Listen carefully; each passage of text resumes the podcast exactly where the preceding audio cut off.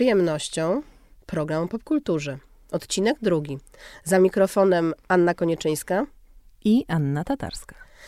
W poprzednim odcinku rozmawiałyśmy o macierzyństwie, więc naturalną konsekwencją jest rozmowa o ojcostwie, a właściwie o tacierzyństwie, które jest taką równoległą y, instytucją do macierzyństwa.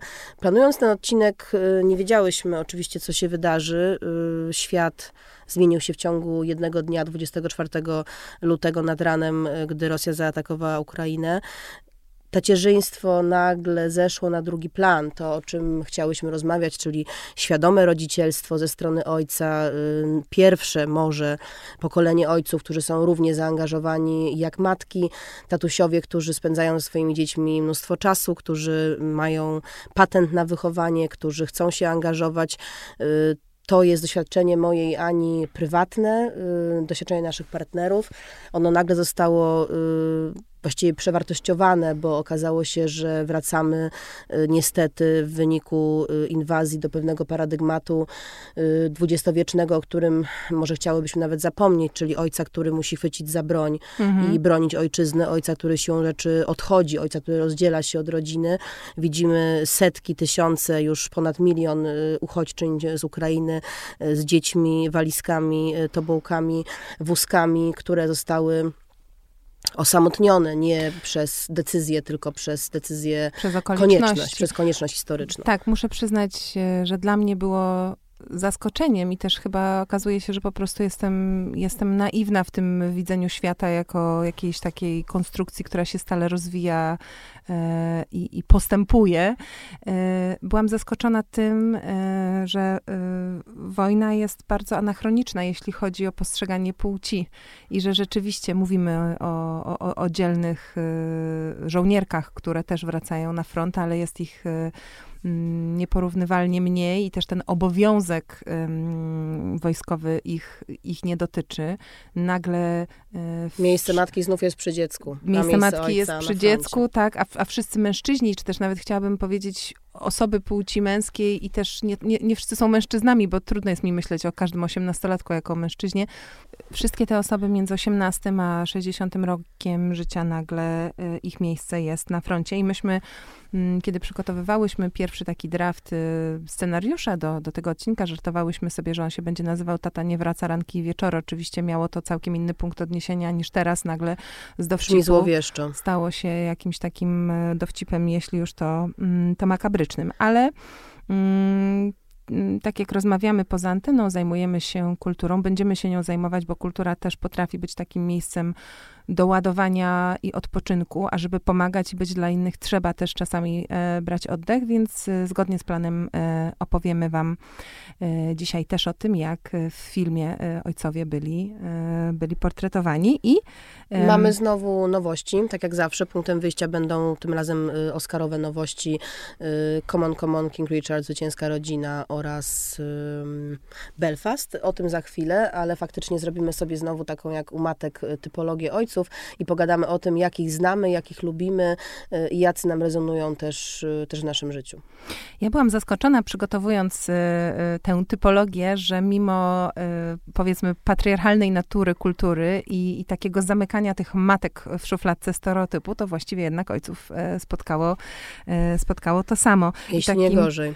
Tak, i takim pierwszym typem, o którym chciałabym wspomnieć, jest typ, który myślę, że przez wiele osób jest bardzo lubiany czyli ojciec supermęski, wybawca rodem e, z filmu akcji. I to jest y, podchwytliwy model, bo model ojcostwa budowanego y, na sile, nie zawsze fizycznej, czasami chodzi tutaj o siłę autorytetu. Wspomniany y, King Richard, ojciec tenisistek Sereny Venus Williams, pod pewnymi względami mógłby tutaj się, się zaliczać. E, ale bardzo często jest to taka postać e, jednak negatywna, która wierzy w to, że pozycja w domu jest budowana przez dyscyplinę, e, przez siłę. Mm, cieszy się wielkim szacunkiem, który czasami jest podszyty strachem. To mogą być ojcowie mafijni, Autorytarni. Na, tak, na przykład Vito, y, Vito Corleone, ale też ojcowie na pierwszy rzut oka bardzo cool, czyli na przykład John McClane, y, czyli Bruce Willis ze Szklanej y, Pułapki, albo Brian Mills, czyli Liam Neeson z serii już właściwie filmów Uprowadzona, Uprowadzona dwa i tam chyba trzy. Chyba trzy, albo prawie, prawie cztery. No w każdym razie takie toxic masculinity przebrane za męstwo i bohaterstwo. Tak, no właśnie tutaj problem jest taki, że na pierwszy rzut oka wszystko fajnie, bo, bo to jest postać, którą się bardzo dobrze ogląda, ma rozrywkowy potencjał, jak się ją wrzuci w scenariusz, to natychmiast y, y, rzeczy się dzieją, ale mm, ja zawsze myślę o tym, że ona utrwala taką mm, fantazję, która jest jednak bardzo właśnie w tym patriarchalnym systemie y, zakorzeniona.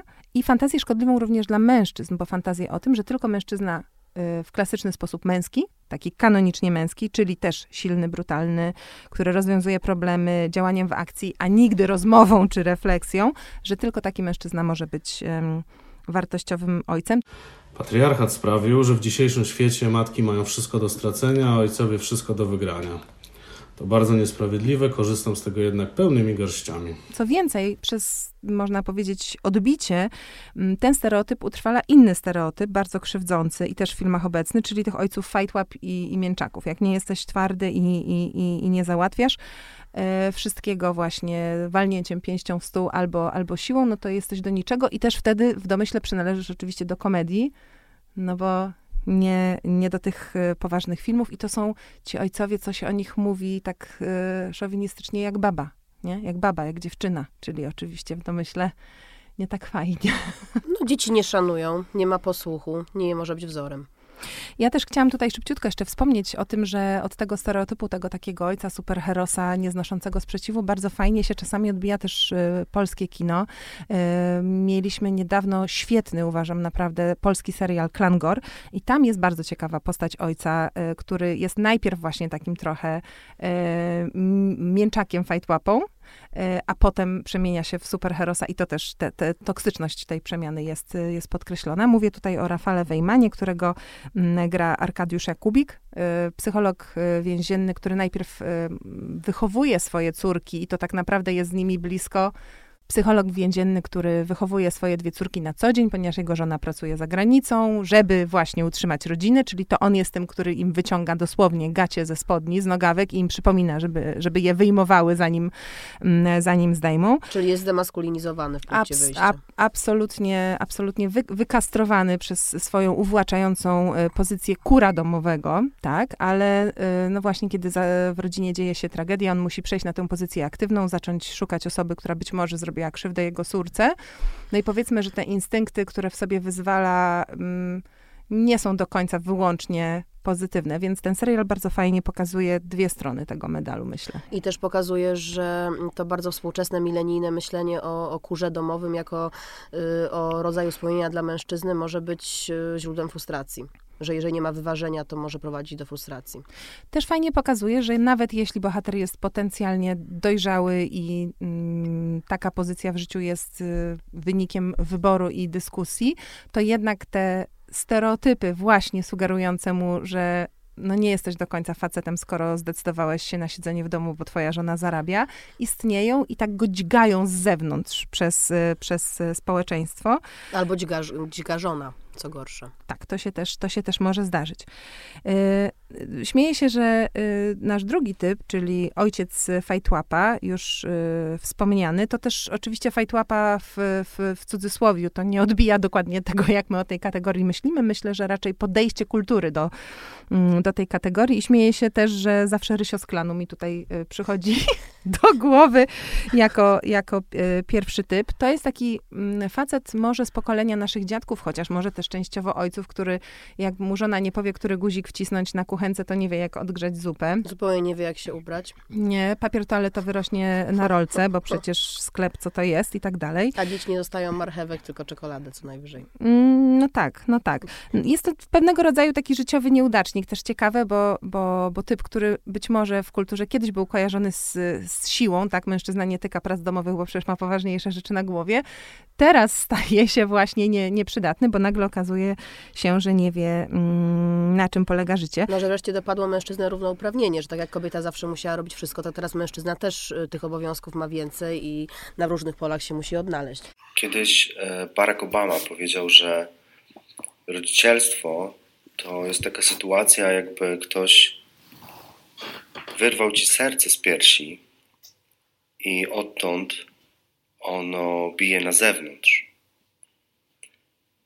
I myślę, że coś w tym jest, ale równocześnie rodzicielstwo to jest taka sytuacja, że puszcza się dzieciom bajkę i idzie się do łazienki, bo to jest jedyny moment, kiedy jest szansa na chwilę intymności i szybki seks.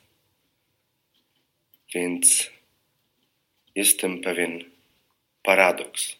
Tak, i to jest taki model, który ma wiele wcieleń, można, można powiedzieć, bo znowu filmowo jest, y, jest bardzo płodny, no właśnie szczególnie komediowo, y, pole nieograniczone do rozmaitych gagów, y, wpadek i, i, i zabawnych przerywników, bo przecież, wiesz, no w domu właściwie wszystko można popsuć, każde, każde narzędzie, każdy, każdy sprzęt, no i myślę, że takim ikonicznym przykładem jest też, jak się źle ubiera dzieci, że ojcowie nie umieją ubrać dzieci, to jest coś, co nigdy nie mogłam uwierzyć, że to naprawdę się w filmach dzieje, nie? Co jest fenomenalne, dlatego że mój mąż na przykład jest y, zawsze chwalony przez starsze panie w tramwaju, że udało mu się ubrać czapkę dziecku, że jest to właściwie osiągnięcie naprawdę na Rozumiem, skalę. to wy jesteście z tych rodziców, którzy zakładają dziecku czapkę.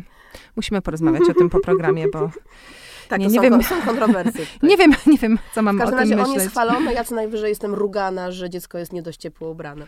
Nie no, znamy to, znamy, znamy te podwójne y, standardy. Ale przypomnijcie sobie na przykład y, ten taki, y, mam wrażenie, ikoniczny dla pokolenia dzisiejszych 35 i plus y, latków serial Świat według Bandich, tamtego ojca, tak? Takiego gnuśnego po prostu domowego nieudacznika, który właściwie zalegał na tej, na tej kanapie. Ale tak samo tego typu w pewnym stereotypem jest Phil Dunphy z Modern Family, to już trochę nowsze, albo nawet Homer Simpson z Simpsonów. No tu już mamy animację, ale animacje przecież też um, czerpią z y, kultury. Czy niezliczone postaci grane przez Adama Sandlera, którego kiedyś jako aktora nie cierpiałam, a teraz y, już mam wrażenie, że się odkupił za... Po nieoszlifowanych diamentach. Tak, za wszystkie swoje straszne miny z przeszłości, okropne dźwięki, które wydał nieoszlifowane diamenty, jednak jednak go wykupiły. I pamiętasz komedię Trzech Mężczyzn i Dziecko? Oczywiście. Y, pełna chata na dużym ekranie. Dokładnie. No to to jest, to jest taki idealny przykład, że po prostu faceci zostają nagle sami z dzieckiem. No i właściwie jak, jak, jak to, jak to ma przeżyć, tak? Co ja mam zrobić, nie wiem, czym to się myje, czy czym tego po prostu dotknąć. Y, I bardzo zabawne jest to, że te, tego typu produkcje pokazują, że w wyobrażeniu producentów mężczyzna wie, ojciec wie mniej o dziecku niż przypadkowa pani w supermarkecie zaczyna przygodę dopiero kiedy zostaje sam. Tak samo właśnie w pełnej chacie y, i niedawno zresztą Ameryka była w bardzo poważnej żałobie po śmierci y, Boba Sageta, twórcy roli Daniego Tannera, y, czyli wdowca, który został sam z trójką i do pomocy miał przyjaciela i, i brata. I uczyli się wszystkiego na żywym organizmie z mm. powodzeniem. I ja myślę, że dla mnie akurat to był taki formacyjny y, serial, wiesz, to znaczy może nie na poziomie y, humoru, ale na poziomie właśnie przedstawienia mężczyzny, który, y, który staje się ojcem, czy figurą ojca, no bo mówię, ojco, ojciec oraz dwóch innych mężczyzn. Dla mnie było to formacyjne o tyle, że ja się wywodzę z tego pokolenia ojców jeszcze nie do końca świadomych. Mam świetną relację z ojcem, nie chcę tutaj go krytykować, ale był to tata w dużej mierze nieobecny, tata robiący karierę w latach 90., tata który hmm. wychodził z domu, wracał późno, relacje budował ze mną, egzaminując mnie z książek, hmm. które mi wcześniej podsunął, tudzież kreśląc mi wypracowania. E, bardzo go kocham i mamy ze sobą świetną dzisiaj relację dorosłych dwojga ludzi, ale no nie widywałam go w domu często, jak zmieniał e, pieluchy, czy bawił się ze mną drewnianymi zabawkami. No właśnie, bo my możemy teraz mówić, że, że ten stereotyp y, właśnie też utrwalany przecież przez kulturę jest, jest niesprawiedliwy i krzywdzący, ale jednak i mówię to bez grama niechęci do, do, do tych ojców, których właśnie było i być może jest wciąż bardzo wielu, jest też bardzo, bardzo prawdziwy. Znamy y, ludzi, znowu myślę, że z pokolenia dziadków, ale też rodziców, którzy naprawdę nie umieją nic zrobić w domu. I to nie jest żart, y, którzy są absolutnie, absolutnie w y, przestrzeni codziennej y, bez tego zwykle kobiecego wsparcia bezradni i y, gdyby ich zostawić na tydzień samych w domu, a nie napisać na lodówce, lodówka tu jest jedzenie, jedz, to wrócilibyśmy i y, wróciłybyśmy i zostałybyśmy zaschniętą mumię. To spotkało mojego dziadka zresztą, co jest Został... dramatyczne, dlatego że właśnie całe pokolenie zostało wychowane w takim pojęciu, że nigdy nie będą musieli, że nigdy mm. nie spotka ich taka sytuacja. A potem kobieta y, odchodzi, on zostaje sam y, z domem, sam ze sam, samym sobą i właśnie nie tylko nie potrafi dbać o dom, nie potrafi dbać o samego siebie. Właściwie jest y, ubezpieczony, znaczy właściwie jest mm, zupełnie nie, nieporadny. No to jest bardzo ciekawe pole do zobaczenia, jak się zmienia pozycja płci y, w kulturze i to, co kiedyś było atrybutem siły, czyli siła głównie nabywcza, pozycja ekonomiczna, która oznaczała prawo do rezygnacji y, z obowiązków domowych, które oczywiście y, karnie i, i z uśmiechem na, na twarzy wykonywała żona, nagle się staje bezsiłą. Tak, brakiem, brakiem życiowego kapitału i po prostu pogubionymi narzędziami, które pozwalają przeżyć, przeżyć z dnia przeżyć. na dzień. Mhm. Tak. No właśnie, ale po drugiej stronie jest znowu jeszcze, jeszcze kolejne lustro i śmieję się też, że w tych takich też znowu bardziej patriarchalnych czasach mieliśmy takich bohaterów ikonicznych, którzy byli tymi ojcami idealnymi, ale tak idealnymi, że a z dzisiejszej perspektywy, perspektywy denerwującymi. Nie wiem e, ilu i ile z naszych słuchaczek kojarzy film zabić Drozda, ale dla wszystkich filmoznawców i badaczy kultury śmieje, to jest zawsze taki, wiesz, punkt, y, punkt odniesienia, ten, ten Atticus Finch, e, który y, domyślam się, że w tamtych czasach w niejednym domu zapoczątkował bardzo poważną kłótnię pod tytułem kochanie, y, a dlaczego ty tak y, nie robisz?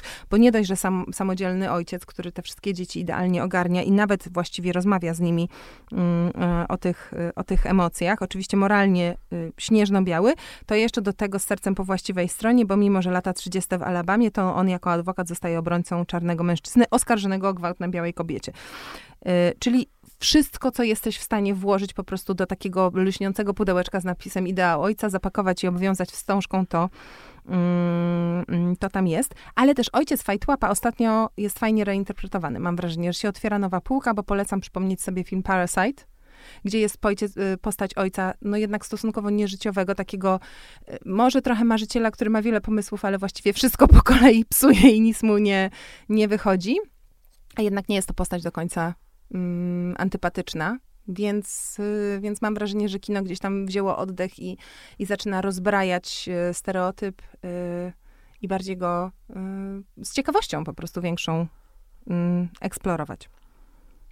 No i mamy jeszcze taki typ ikoniczny chyba w ogóle od początku kina, tata dziecko. Tata, dziecko, które jeśli w ogóle dorasta, to razem, razem z dzieckiem. E, tutaj oczywiście pierwszym naczelnym przykładem jest e, Charlie Chaplin w Brzdącu, e, ale takim przykładem ikonicznym, bliższym naszemu pokoleniu to będzie oczywiście Daniel Hillard, grany przez Robina Williamsa w Pani Doubtfire. Postać, przyznam, z którą ja mam dziwną relacje, bo oczywiście pamiętam, jak oglądałam ten film jako dziewczynka i on mnie bardzo, bardzo bawił, no bo kogo nie bawiłaby tak gagowa komedia, w ogóle facet ze sztucznym biustem i przebrany w strój takiej jakiejś, nie wiem, pani z szatni niemalże, tak, w tych wszystkich kwiatkach, po prostu barchanach i, i e, koronkach, słynny taniec z odkurzaczem. Um, Dzisiaj film chyba na granicy kancelowania. Dokładnie miałam to powiedzieć. Bardzo się postrzeganie tego filmu zmieniło z czasem, bo jeśli pomyślimy o tym, dlaczego jego żona się z nim rozstała. Miała powody. To miała bardzo, bardzo poważne powody. A co on robi? Właściwie to jest stalkerem. No, powiedziałabym, że jego zachowanie jest na granicy prawa. Na pewno nie uznałabym go za, mm, za, za zabawne i absolutnie, im jestem starsza, tym bardziej wspieram Sally Field właśnie w, w tym rozstawaniu się z nim i uznałabym, że cena jaką on musi zapłacić za to, żeby wreszcie zrozumieć, że nie był e, dobrym, zdatnym ojcem i partnerem i, i przejść tę, tę ewolucję, jest e, po prostu mm, za wysoka. Ale to, co uznałabym za ciekawe, to, że ten film otworzył taką trochę dyskusję um, na to, jak to jest, e, kiedy się spojrzy na rzeczy z innego punktu widzenia, bo ten bohater, kiedy jest e, kobietą, tak, kiedy udaje, um, udaje kobietę, doświadcza na przykład pewnych rodzajów przemocy, tak, jest podrywany w autobusie albo traktowany z góry jako, jako gosposia. Więc to jest coś, co co mogłoby być ciekawe. Ale ta dziecięcość też potrafi przyjmować inne, mm, inne odmiany i tutaj bym wspomniała, i tak jakoś mi się to bardziej kojarzy z takim naszym teraz, tu i teraz, niestety, mm, o filmie Życie jest piękne, mm, Roberto Beniniego, filmie, który w, po premierze też został obsypany gradem nagród. Z perspektywy czasu wydaje się troszeczkę infantylny, ale jest w nim coś cudownego, chyba właśnie chwycona ta taka dziecięcość. O no tacie, i... który czaruje rzeczywistość po to, żeby dziecko nie odczuło jej okrucieństwa. Tak, to jest film, który się rozgrywa w czasach II wojny światowej i rodzina y, jest, y, coraz bardziej się pogrąża w kryzysie, a ojciec wymyśla sposób, żeby syna ochronić przed okrucieństwem wojny i udaje, że to wszystko jest tylko gra. Gra, w której, y, w której jest na końcu jakaś świetna nagroda. Więc z jednej strony no, ojciec dzieciuch, a z drugiej strony myślę, że umiejętność przefiltrowania tej rzeczywistości i zamienienia jej w zabawę celem ochronienia dziecka też wymaga bardzo, bardzo dużej yy, dojrzałości. Ojcostwo zaczęło się dla mnie nową parą oczu, która uważnie i pełnie patrzy na świat. Czasami może potrzebuje wskazania kierunku. Niezwykle trudna i piękna rola, podróż, także w głąb siebie, walka ze słabościami, nowe układanie moralności, wychowanie istoty dla świata, nie dla siebie, setki pytań, płaczków, uśmiechów kroków na spacerach. No dobra, wszyscy wiemy, że przecież chodzi o bezkarne kupowanie Lego.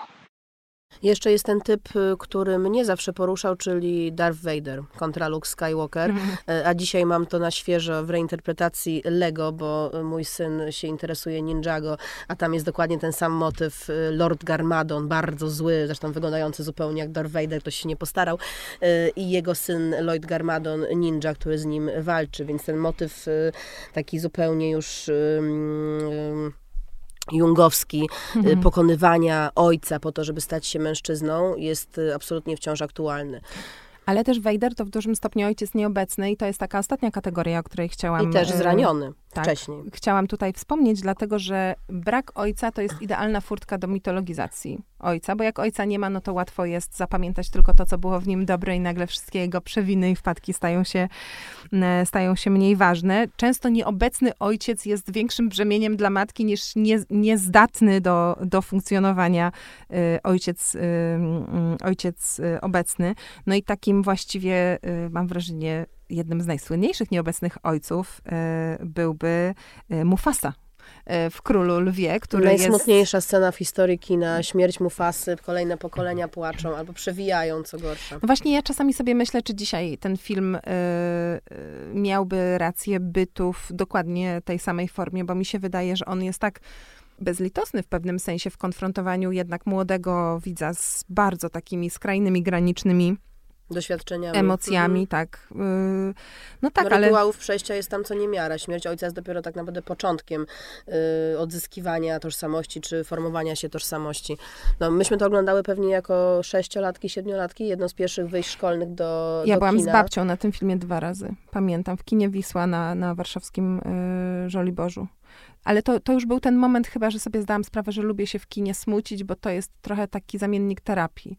Że posmucisz się w kinie i potem łatwiej jest się nie smucić. Czyli już jako sześciolatka miałaś y, poczucie, że kino jest katartyczne.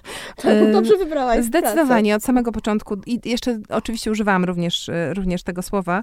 Y, ale też tutaj chciałam wpleść, że pamiętajmy, że bardzo często filmy nawiązują do takich archetypów kulturowych i nawet kiedy w ogóle o tym nie myślimy i przecież Król Lew nawiązuje mm, do egipskiego mitu króla Ozyrysa, zabitego przez własnego brata, zazdrosnego Seta i jest to dokładnie ten sam motyw, który kultura potem wielokrotnie e, przeżywała, e, choćby Szekspir, prawda? Więc e, od Króla Lwa do Szekspira Niedaleka wcale, wcale nie jest tak, mm, tak daleko. I jeszcze, żeby tutaj nie gadać y, za dużo, chciałam też powiedzieć, że ta nieobecność, szczególnie właśnie wraz z rozwojem świata i rozwojem, ewolucją społecznych y, relacji i napięć, może przyjmować nieco inne y, wymiary. Może być to nieobecność intencjonalna, tak jak w serialu Sukcesja, tutaj jest ojciec, który jest niezwykle wpływowy i, i jest takim patriarchą e, całej rodziny i z jednej strony jest w prawie każdej scenie, a z drugiej strony go nie ma nie ma, jest absolutnie emocjonalnie dla dzieci e, niedostępny i właśnie cały czas tak jakby był mm, za szybą. To jest fascynujące, bo wydaje mi się, że ta figura pokazuje, y, że właśnie to ojcobójstwo jest y, absolutnie koniecznym y, elementem wykuwania tożsamości i póki Ken wreszcie go nie zabije, dosłownie, czy w przeności, czy jakkolwiek, nie będzie nigdy dorosłym człowiekiem. Będzie 40-latkiem infantylnym, który organizuje imprezę urodzinową w waginie swojej własnej matki, czy jak, jak to tak. tam będziemy interpretować. W każdym razie to ojcobójstwo szekspirowskie jest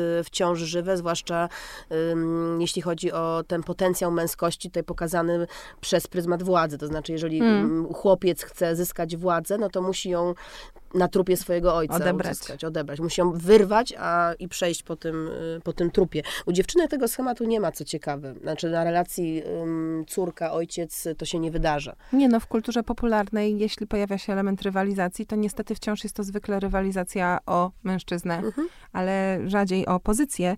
Mm, I jeszcze jedna nieobecność taka bardzo trudna, to jest taka nieobecność stopniowa. Mm, mówiłyśmy ostatnio o filmie Córka, to ja chciałam wspomnieć film Ojciec, też z Oliwią Colman i z Antonim Hopkinsem, film Floriana y, Zellera, y, w którym ojciec znika, bo cierpi na chorobę Alzheimera. I to jest znikanie, którego nikt nie chciał, znikanie, które wszystkich wzięło z zaskoczenia. Znikanie okrutne, bo absolutnie nie dające się powstrzymać, ale też nie da się przewidzieć, jak ono będzie przebiegać. I też y, chyba najokrutniejsze dlatego, że właśnie nie pozwala ocalić tego mitu, bo ojciec znika na oczach córki. On się Stając na jej oczach rozpada innym. i przestaje być sobą, staje się kimś innym, czyli ona jakby traci ojca jeszcze za jego życia. To jest temat, z którym wielu z nas się będzie, będzie mierzyło, wielu przedstawicieli naszego pokolenia, co czyni ten film jeszcze bardziej dojmującym. Ja przyznaję, że bałam się go zobaczyć, ponieważ mam w rodzinie doświadczenia tego typu, które zmiażdżyły emocjonalnie wielu jej członków, więc rozumiem, że ten film jest dla ludzi o, o mocnych nerwach ale też, y, żeby nieco tutaj y, mm, poprawić być może nastrój, y, sprawić, żeby był nieco lżejszy, powiem, że z ciekawości przed tym nagraniem na takiej grupie dla czytających rodziców, na której jestem, zadałam pytanie o najlepszych i najgorszych ojców w książkach dla dzieci i przysięgam, że w przeciągu dwóch godzin ten post miał chyba 250 mm, odpowiedzi. Nie jestem w stanie ich tutaj przytoczyć, ale Tata mogę tylko powiedzieć, że jest pewien konsensus na temat tego, że tata świnki Pepy nie jest fajny. A tata Pucia? A tata Pucia jest całkiem okej. Okay. To taki jest kod dla, dla dzieciatych, tak do pięciu mniej więcej. Tak, tata Pucia to jest właśnie ten milenialsowy tata, który y, wozi do szkoły, zabiera na lody, y, totalnie jest w sytuacji równouprawnionej y, z mamą i ten model jest tak naprawdę produkowany dla osób, które też tak żyją, więc jest to trochę taka sama spełniająca się przypowiednia. No a tata Pepy lubi ziemniaczki i spać. Y, Oscary. Y, nasz odcinek będzie emitowany właściwie prawie równo z ceremonią. Y, rozmawiałyśmy tutaj z Anią, że Oscary oczywiście się odbędą mimo, mimo trwającej w Ukrainie wojny. Pewnie będzie sporo deklaracji, sporo flag, sporo wyrazów solidarności, no ale z ceremonii nikt nie zrezygnuje, bo pandemia i tak przerwała pewien święty cykl Akademii, więc teraz chcą wrócić z wielką pompą. Trzy filmy, które gdzieś są w orbicie oscarowej, mm, poruszają temat ojcostwa i tacierzyństwa y, na miarę XXI wieku, chociaż y, są zlokalizowane czasowo y, niekoniecznie we współczesności. Pierwszy to jest pominięty niestety przez Akademię film. Wielokrotnie była mowa, że będzie się znajdował gdzieś tam w czołówce, a, a w końcu z niej wypadł. To jest Common Common Mike'a Millsa, który jest o tyle ciekawy, że ma dwie figury ojca, to znaczy ma prawdziwego ojca, który właśnie jest tym ojcem nieobecnym, nieobecnym i ma y, wujka, który przejmuje tą rolę, staje się takim father figure dla, dla małego Jesse'ego. Ten ojciec nieobecny jest nieobecny z powodu, nie, swoj, nie, nie swojej winy, jest nieobecny z powodu problemów ze zdrowiem psychicznym, y, z którymi się boryka, y, a że dziecko potrzebuje bardzo mocno tego autorytetu, tego wzoru no to osoba, która wcale się na to nie, wcześniej nie pisała, y, w tą, y, w tą rolę wchodzi i wchodzi w taki sposób intrygujący, ponieważ zaczyna żyć trochę tym światem dziecka. Jednocześnie y, uczy się tyle samo od tego dziecka, ile dziecko uczy się od niego. Jakby ta wymiana, ta, ta dynamika tej relacji jest tak naprawdę bardzo, y, bardzo partnerska. Może właśnie dlatego, że nie obarczona tym bezpośrednim y, związkiem y, ojca z synem. To visit planet Earth, you will have to be born as a human child. At first, you'll have to learn to use your new body, to move your arms and legs. You will learn to walk and run, to use your hands, to make sounds and form words. There will be so much for you to learn. Tak, ja myślę, że tutaj jest ciekawe to, że po pierwsze wujek nie ma na starcie obowiązku bycia dla swojego potomka autorytetem, i to okazuje się jest jego wielkim mhm. kapitałem, bo właśnie może wejść e, w tę relację jako równy e, z równym. Nie mierzy się z żadnymi e, stereotypami narzuconymi mu obowiązkami czy oczekiwaniami, ponieważ właśnie nie jest ojcem, tylko jest, jest wujkiem, wujkiem kolegą. Mm, bardzo ciekawy wątek, który się tutaj nie pojawia bezpośrednio, ale myślę, że ten film można w ten sposób czytać to jest y, porównanie tego z historią ojcostwa mm, niebiologicznego.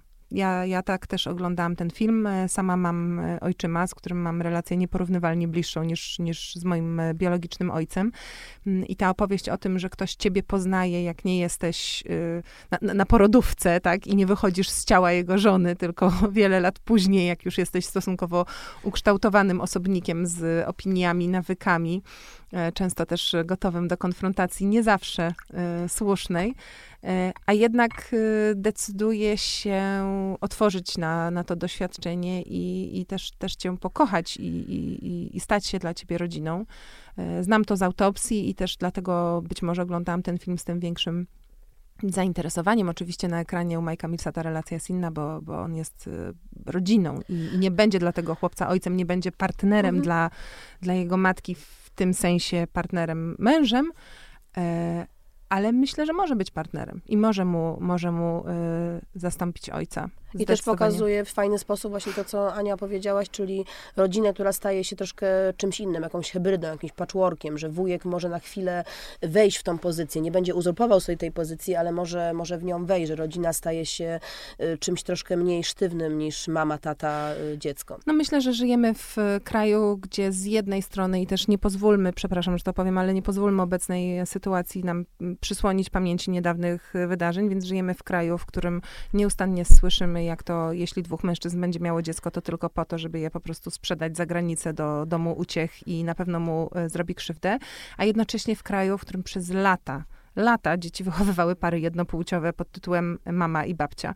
Rodzina nie jest konstruktem, który jest oparty wyłącznie na więzach krwi. Myślę też, że warto przypominać, że może mieć wiele form, a także może istnieć e, rodzina z wyboru, gdzie swoich e, biologicznych bliskich z jakiegoś powodu E, już nam niebliskich możemy zastąpić na przykład przyjaciółmi albo sąsiadami. Oczywiście w tym sensie nie będzie to taka rodzina, jaka nam przychodzi do głowy wraz z pierwszym skojarzeniem, kiedy słyszymy to słowo, ale też jakaś taka pararodzinna formacja, e, odmiana komórki społecznej, która równie mocno i równie skutecznie może nas e, w życiu trzymać i wspierać. Bardziej tradycyjny, choć nie do końca model, to jest King Richard, Zwycięska Rodzina, Reynalda Markusa Greena, pięć nominacji do Oscara, Will Smith, y, no może nie prawie pewniak, ale, ale z mam dużą nadzieję, szansą. Że nie. Ja też mam nadzieję, że nie, z dużą szansą na nagrodę. To jest film o ojcu y, sióstr Williams, najsłynniejszych, najlepszych, najwybitniejszych tenisistek w historii wszechświata i wszechczasów. Because we are. That's our job, to keep them off these streets.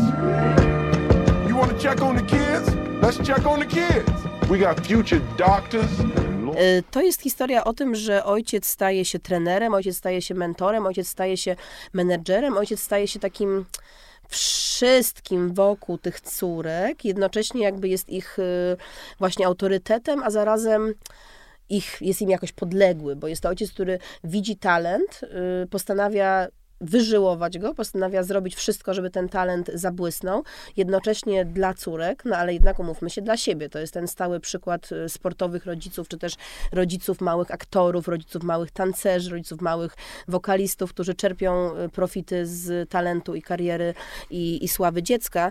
Tutaj w takim bardzo, bardzo dosłownym obrazie, ponieważ oczywiście rodzina, z której wywodzą się siostry Williams, y, nie była zamożna. Dzięki ich pasji, dzięki ich y, talentowi i pracy y, stała się tym, kim jest teraz. Oczywiście one odeszły na, na ten szczyt dzięki, dzięki swojej pracy, ale gdyby nie ojciec i ta jego motywacja, która właśnie jest ambiwalentna dla mnie mhm. w tym filmie, no to by się tak nie wydarzyło, no bo on tak naprawdę poruszył niebo i ziemię, żeby one stały się, stały się sławne. Nie miał żadnych bezpardonowo tak naprawdę pewne drzwi wyważał, które były zamknięte nie tylko ze względu na um, no na to, że były dziewczynami, tylko przede wszystkim ze względu na, na to, że, że, że to chodziło o rodzinę, rodzinę czarną.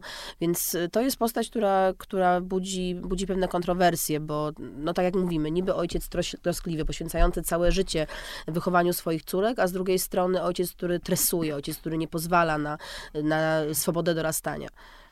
Ja mam mm, problem bardziej z tym filmem, bo mm, wiem, dlaczego on jest taki, jaki jest. Opowiada y, o pewnej historii i to ona jest jego centrum, ale tam jest parę takich momentów, że mamy szansę podejrzeć, jak y, ta taka mm, jakaś wręcz atawistyczna motywacja Richarda do tego, żeby pchać te córki do przodu i żeby one były tym numerem jeden, y, jakie ona ma korzenie i jak wpływa też na jego y, związek y, z żoną. Bardzo ciekawy jest ten wątek, że być może mm, ten jego nieposkromiony głód, żeby jego córki odniosły ogromny sukces i też miały należny im status i, i, i dobrą sytuację materialną, że on wynika nie tylko z jakiejś tam traumy, którą sam przeżył, ale też z kompleksów, a to jest zawsze niebezpieczne spotkanie żywiołów, kiedy ro, rodzic robi coś, nawet jeśli robi to dobrze i nawet kiedy to wychodzi, ale jego motywacją są jakieś takie niespełnione e, czy to marzenia, czy też jakieś własne e, deficyty. własne deficyty. Mhm. No i dwa, jak rodzic, który jest tak wręcz obsesyjnie e, skupiony na dziecku, dziecku, które jest przedłużeniem jego marzenia, jakim jest partnerem prawda? Tutaj ten wątek jest ledwie liźnięty, bo w filmie pojawia się jedna scena takiej kłótni, która jest, y, wydaje mi się, dość dobrze mm, dość dobrze napisana i też bardzo mi imponuje żona jego filmowa, która jest po prostu mądrą, y, świadomą kobietą, ale ona mu musi przypomnieć, że mimo, że jej nie widać, tak jak tych wielu szyi, które ruszają głową, to bez niej nic by nie było. I chciałabym, żeby nie trzeba było o tym przypominać tak często. Ale Aniu, właśnie świetnie, że powiedziałeś o tym przedłużeniu, bo, bo też chyba myślimy o, o tacierzyństwie, o ojcostwie w takim sensie, że chcemy, żeby to dziecko wyszło na wolność, że chcemy puścić je na świat, a nie czynić je właśnie tym swoim takim, jakąś taką sondą rzeczywistości, tym swoim właśnie realizacją tego, czego sami nie, nie zrealizowaliśmy. Jednym z moich ukochanych filmów w tym roku jest Belfast Keneta Branacha.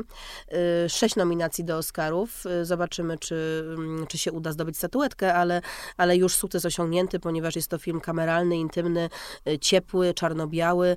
Jest to film o doświadczeniu konfliktu z perspektywy perspektywy dziecka, dziecka, które widzi tylko część sytuacji, które widzi to, co się dzieje na jego najbliższej ulicy, co się dzieje w jego rodzinie, e, czyli znów wchodzimy w temat e, dzisiaj polityczno-społecznie bardzo, bardzo aktualny, jak mówić dzieciom o wojnie, jak mówić dzieciom o przemocy, jak mówić dzieciom o konflikcie. Holy God. Mama says if we went across the water, they wouldn't understand the way we talk. If they can't understand you, then they're not listening. You know who you are, don't you? You wouldn't want to be the old man out in the street. Touch my family and I'll kill you. Are we gonna have to leave Belfast? We'll fight this together. This is it.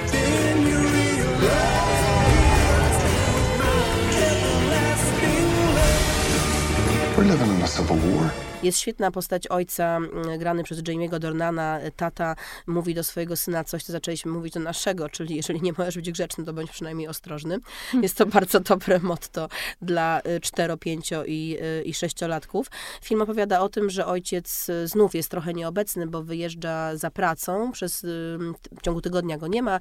Jest ojcem weekendowym, ale wtedy, kiedy już jest ten weekend, to jest ojcem bardzo zaangażowanym i też jest takim kompasem moralnym dla swoich, swoich dzieciaków, ponieważ pokazuje im, y, żeby nie wchodzić w konszakty z y, ludźmi ym, z półświadka, czy coś takiego pokroju y, niewłaściwego, pokazuje im, co jest dobre, a co złe. I to jest chyba taki motyw ojcostwa kinowy bardzo mocny, takiego ojca, który właśnie mówi y, tak, mówi nie.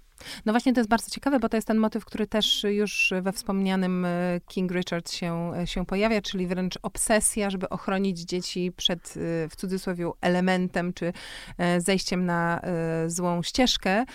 Filmy różnie podchodzą do tych tematów. Myślę, że często bardzo to, to zło, przed którym dziecko trzeba ochronić, jest no, takie przerysowane, wręcz, wręcz karykaturalne, bo, bo ono często przyjmuje dużo bardziej subtelne, a przez to jeszcze bardziej niebezpieczne formy niż ciężkie uzależnienia narkotykowe, czy y, nie wiem, natychmiast, natychmiastowe y, y, prostytucja. Przepraszam tutaj w ogóle, że używam tego terminu. Wiem, że on jest, że tak powiem, nacechowany patriarchalnie, ale używam go, go celowo, bo mam wrażenie, że kiedy mówimy o lęku rodziców, to to jest właśnie bardziej z tej strony niż rozmowa o sex workingu, który jest jakby świadomym wyborem, tylko właśnie bardziej, mm, właśnie bardziej tak. Mm, tak, ja myślę sobie, że właśnie Belfast to jest taki przykład kina, które czasami e, wchodzi w nieoczekiwany dialog e, z rzeczywistością i e, robiąc go, pewnie Kenneth Branagh myślał sobie, że opowie o, o jego czasach, Od czasach jego dzieciństwa, o czasach, które minęły. No i nagle okazuje się, że, że niekoniecznie, ale y, o tym, jak nawigować tą trudną rzeczywistość, opowie nam y, też za chwilę, jeszcze za chwilę, y, nasz bardzo specjalny gość. A teraz myślałam, że jeszcze może byśmy tak zrobiły szybką burzę mózgów i się przerzuciły kilkoma tatusiami, kilkoma, tatusiami, kilkoma typami, bo ja tutaj mam, mam paru takich, których sobie wynotowałam, którzy jakoś tam mi zapadli w y, pamięć. Pan Weasley. E, tatuś tak Fajtłapa z twojej, twojej, twojej kategoryzacji, a zarazem ojciec bardzo zaangażowany, świetny mąż, fajna praca, ale bez przesadnego zaangażowania. Kiedy trzeba, staje się bohaterem. Z tego Fajtłapy właśnie rodzi się w nim bohater bez tego ryzyka, o którym, o którym mówiłyśmy, czyli stania się przy okazji macho. Nie wiem, y, lubię go, po prostu go lubię. Y, lubię go też dlatego, że mm, chyba zawsze marzyłam o takiej y, gromadce i takiej wielodzietnej rodzinie. Sama jestem mm. jedynaczką, więc tutaj się to nie udało, e, ale taki tata, który, który słucha, który pomaga i który właśnie pod takim, e, pod taką całą krainą łagodności kryje, kryje siłę. E, I może to w ogóle o to chodzi, że mój tata jest podobny tak naprawdę, w sensie z pozoru bardzo łagodny mężczyzna, który tak naprawdę jest no, stalowy i, i, i mocny. Mój typ nie ma na szczęście nic wspólnego z, z, z moim tatą, bo ja chciałam wspomnieć o takim świeżym przykładzie, czyli Kalu Jacobsie z serialu Euforia. E, wydaje mi się, że to jest bardzo ciekawa historia. Nie jestem do końca przekonana, czy sposób, w jaki um, serial odkrywa jego tożsamość, nie jest lekko homofobiczny. Przyznam, że Trochę tutaj mam, mam mhm. cały czas wątpliwości, bo wiem, że ta taka brutalność, bez, bezceremonialność jest siłą euforii, ale cały czas nie zdecydowałam w swojej głowie, czy Zresztą, to nie Aniu, jest... Będziemy o tym rozmawiać. To będziemy. jest oczywiście tak ważny serial, że, że wrócimy do niego w najbliższym odcinku. Tak, będziemy o tym więcej mówić, ale tutaj tylko chciałam o nim, o nim wspomnieć, bo to też jest przykład y, mężczyzny z pokolenia naszych ojców, trochę, trochę młodszego, którego chyba wyobrażenie na temat tego, kim ma być jako mężczyzna i jako ojciec zjadło tak bardzo, że tam nie zostało już nic, nawet, nawet, nawet kości i to prowadzi po prostu do, do tragedii i krzywdzenia innych, więc y, rozmowy, łagodność, terapia. Yy, polecamy. No i ja jeszcze tutaj od razu wcisnę klasyk. To jest klasyk klasyków, ale wam, mam też wrażenie, że to jest taki film, który się bardzo ciekawie ogląda wraz z upływem czasu, czyli Kramer kontra Kramer, sprawa Kramerów i Ted Kramer, który uderzyło mnie to ostatnio. Mam wrażenie, że pamiętałam go jako właśnie czułego ojca, który zajmuje się dzieckiem po tym, jak odchodzi matka, po czym obejrzałam ten film w tym wieku, w którym teraz jestem, w tym momencie życia, w którym teraz jestem i zdałam sobie sprawę, jak bardzo nacechowane, jakby przysiągnięte stereotypami było moje, moje wspomnienie, bo przecież Ted, y, zanim jego żona grana przez Meryl Streep odchodzi, jest właśnie no, nieobecnym ojcem, który jest y, pochłonięty pracą. I to jej odejście, trochę tak jak odejście Ledy w córce, jest też taką formą krzyku: Ja muszę teraz zająć się sobą, bo inaczej umrę, a ty sobie radź przynajmniej staną na wysokości zadania, to nie o wszystkich też można powiedzieć. Y, Ania już tutaj wspomniała, że, że będziemy miały wyjątkowego gościa. Y, ja zapowiem chętnie Piotka Kubkowskiego, który jest moim kolegą i Ani kolegą, co jest może mniej przy tym wszystkim ważne, ale o tyle ważne, że wiemy jakim jest ojcem. Jest ojcem świetnym, ma trójkę małych dzieci, y, żyje w zupełnie równouprawnionym związku ze swoją żoną i właśnie ze swoją żoną podjęli się zadania absolutnie niemożliwego, mianowicie powołali grupę Rodziny Bez Granic na Facebooku, która szybko z kilkorga znajomych warszawskich stała się gigantycznym ruchem społecznym na, na ogólnopolską skalę. Stało się to w czasie kryzysu uchodźczego na granicy polsko-białoruskiej. Teraz oczywiście działa z równym natężeniem na, na obu granicach. I Piotrek opowie nam trochę o tym właśnie napięciu między swoim świadomym tacierzyństwem XXI-wiecznym, milenijnym, y, przemyślanym, równouprawnionym, a tym, co wydarzyło się za naszą granicą i tym, jacy są ci ojcowie, którzy, którzy do Polski przychodzą przez granicę białoruską, jacy są ci, którzy zostają niestety za granicą y, ukraińską i jak w ogóle pomieścić sobie w głowie te dwa modele, jak one do siebie przystają, jak nie przystają i jak też mówić dzieciom y, o tym, co się dzieje, jakim być ojcem dla swoich dzieci w całej tej sytuacji. Piotr Kubkowski, wykładowca akademicki, adiunkt w Instytucie Kultury Polskiej Uniwersytetu Warszawskiego, Rodziny Bez Granic, y, Zapraszam. Myślę, że kontekst wojenny e, uruchamia taką sytuację, w której ojciec nagle przestaje być e, osobą, która jest e, blisko. Zaangażowanie ojcowskie, jego odpowiedzialność, misja, którą musi wykonać, wiąże się e, z czymś dalej, z byciem dalej. I to nieoczekiwanie dotyczy nie tylko sytuacji bezpośrednio wojennej, sytuacji, w której po prostu ojciec jest osobą zmobilizowaną, e, jak teraz w Ukrainie. E, każdy, kto ma więcej niż 18 lat i mniej niż 60, po prostu jest zmuszony do walki. Oczywiście bardzo często też chce walczyć, ale, y, ale no jakby prawnie, y, prawnie jest do tego zmuszony. Nieoczekiwanie to dotyczy też sytuacji takich jak y, pomoc na zapleczu, taka jak w Polsce, prawda? Dzisiaj to często właśnie ojcowie są tymi, którym łatwiej jest odejść od swojej rodziny, żeby szybko coś z, za, zaaranżować, zaangażować i tak dalej to jest bardzo jakieś takie przykre, że właśnie sytuacja wojny y, reaktualizuje takie y, uważane przez niektórych za naturalne, a przez innych za konserwatywne modele podziału obowiązków w rodzinie. Kryzys uchodźczy chyba aktualizował troszeczkę inne modele ojcostwa niż ten kryzys wojenny. W kryzysie mm, uchodźczym widzieliśmy i słyszeliśmy o tych ojcach, którzy e, właśnie wiele kilometrów e, przez bagna, przez las e, nieśli swoje dzieci, którzy poświęcali się dla nich fizycznie, ale w bezpośrednim kontakcie z, ze swoimi dziećmi to jest chyba jakaś taka najbardziej podstawowa różnica, która y, no, wydaje się oczywista, ale też może nam umknąć, prawda? Ojciec żołnierz jest ojcem, który jest daleko.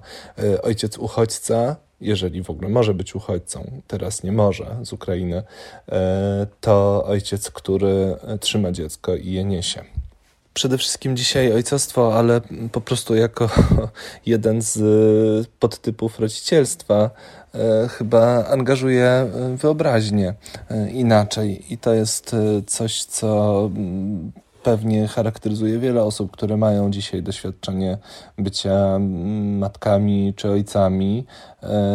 Nie wiem, czy to jest tak, że statystycznie te osoby są bardziej zdolne do pomocy, czy coś. Pewnie tak nie jest. E, pewnie dużo też jest takich postaw, w których ktoś, kto ma swoje własne dzieci do zaopiekowania, swoją własną rodzinę do wykarmienia i tak dalej, po prostu skupia się na tych swoich codziennych celach, a nie angażuje się w dodatkowe rzeczy. Ale wydaje mi się, że przynajmniej na poziomie jakiegoś takiego wsparcia, nie wiem, zaangażowania emocjonalnego, sposobu śledzenia historii, czy zdolności właśnie do bycia takim w wyobraźni swojej zmilitaryzowanym, do tego, żeby, e, e, e, żeby się zaangażować po prostu w ten zachwyt bronią, czynem zbrojnym, śmiercią i tak dalej.